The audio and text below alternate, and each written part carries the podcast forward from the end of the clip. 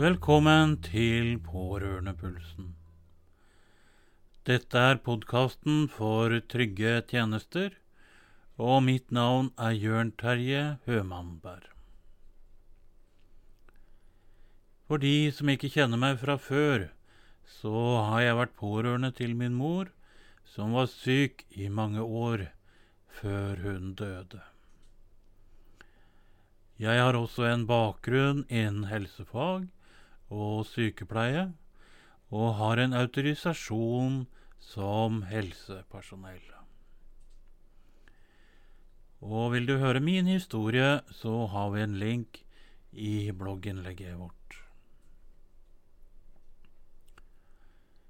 I de siste episodene så har vi berørt flere ganske alvorlige temaer.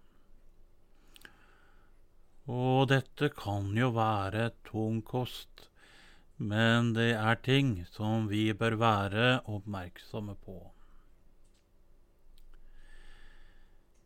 Men i tiden mellom legetimer, pleie og alt annet i livet hvor blir det av tid til bare å, å, å puste?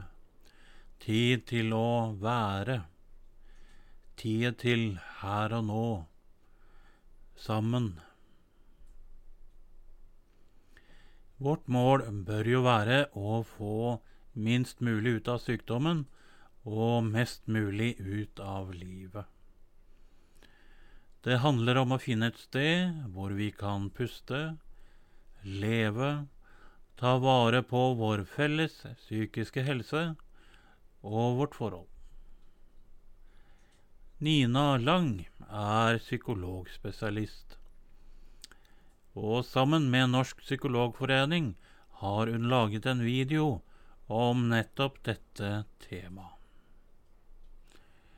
Hun snakker i denne videoen så varmt og klokt om det å leve med sykdom og hvordan psykisk og fysisk helse påvirker hverandre.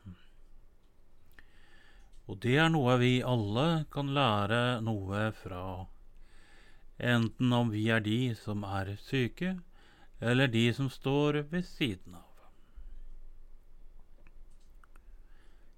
Selv fikk jeg meg en overraskelse av et eksempel som hun bruker.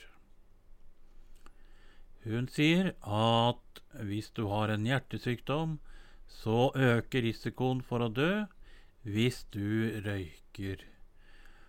Og det høres jo kjent ut, ikke sant? Men det som slo meg, var da hun sa at risikoen er like høy om du ikke røyker, men isteden går rundt med en ubehandlet depresjon.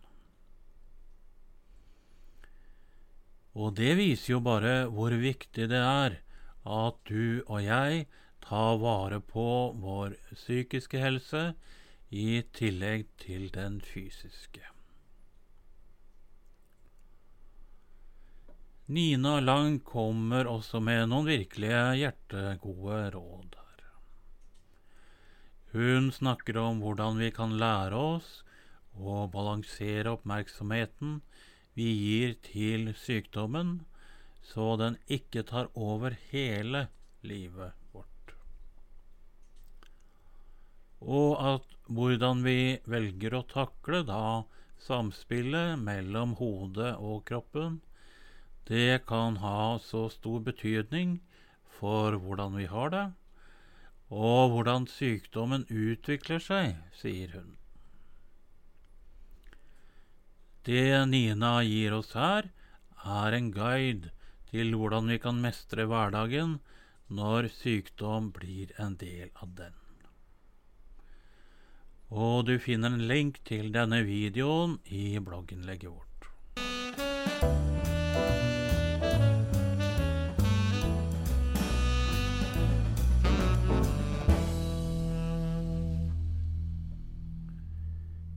Vi og den vi er pårørende til, vi bør jo prøve å følge Nina sitt råd her. Og jeg vet selv av erfaring at uh, dette ikke alltid er lett.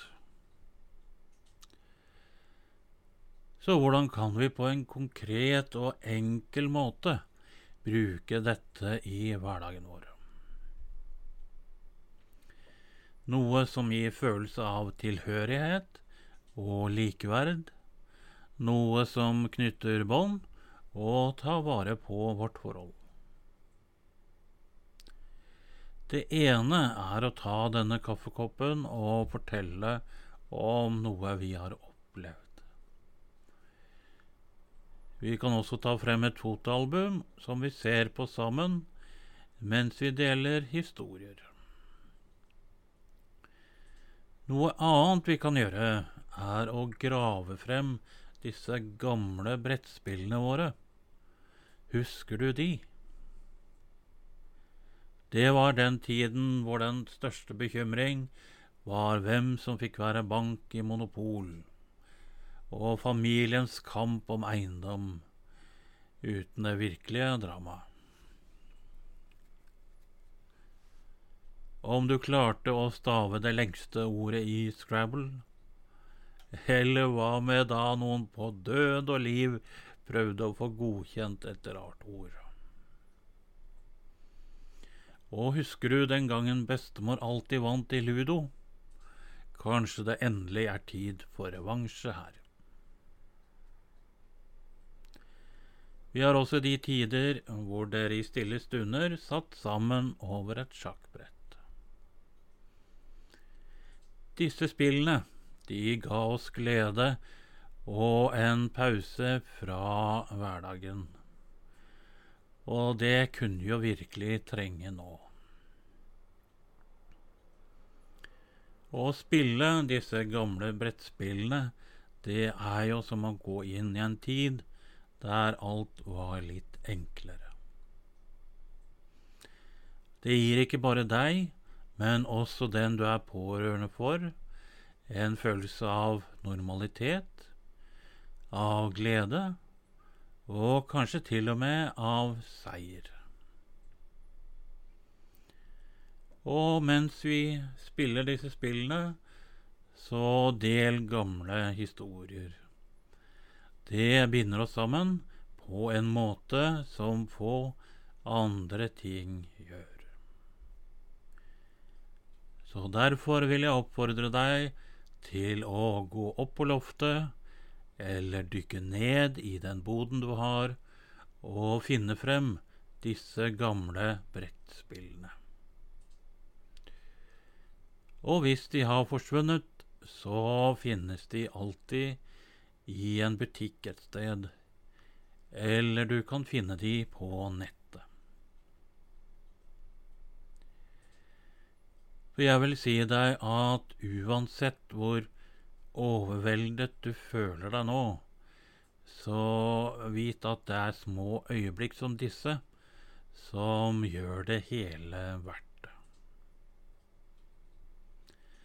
Dette var Pårørendepulsen, og jeg heter Jørn Terje Hømannberg.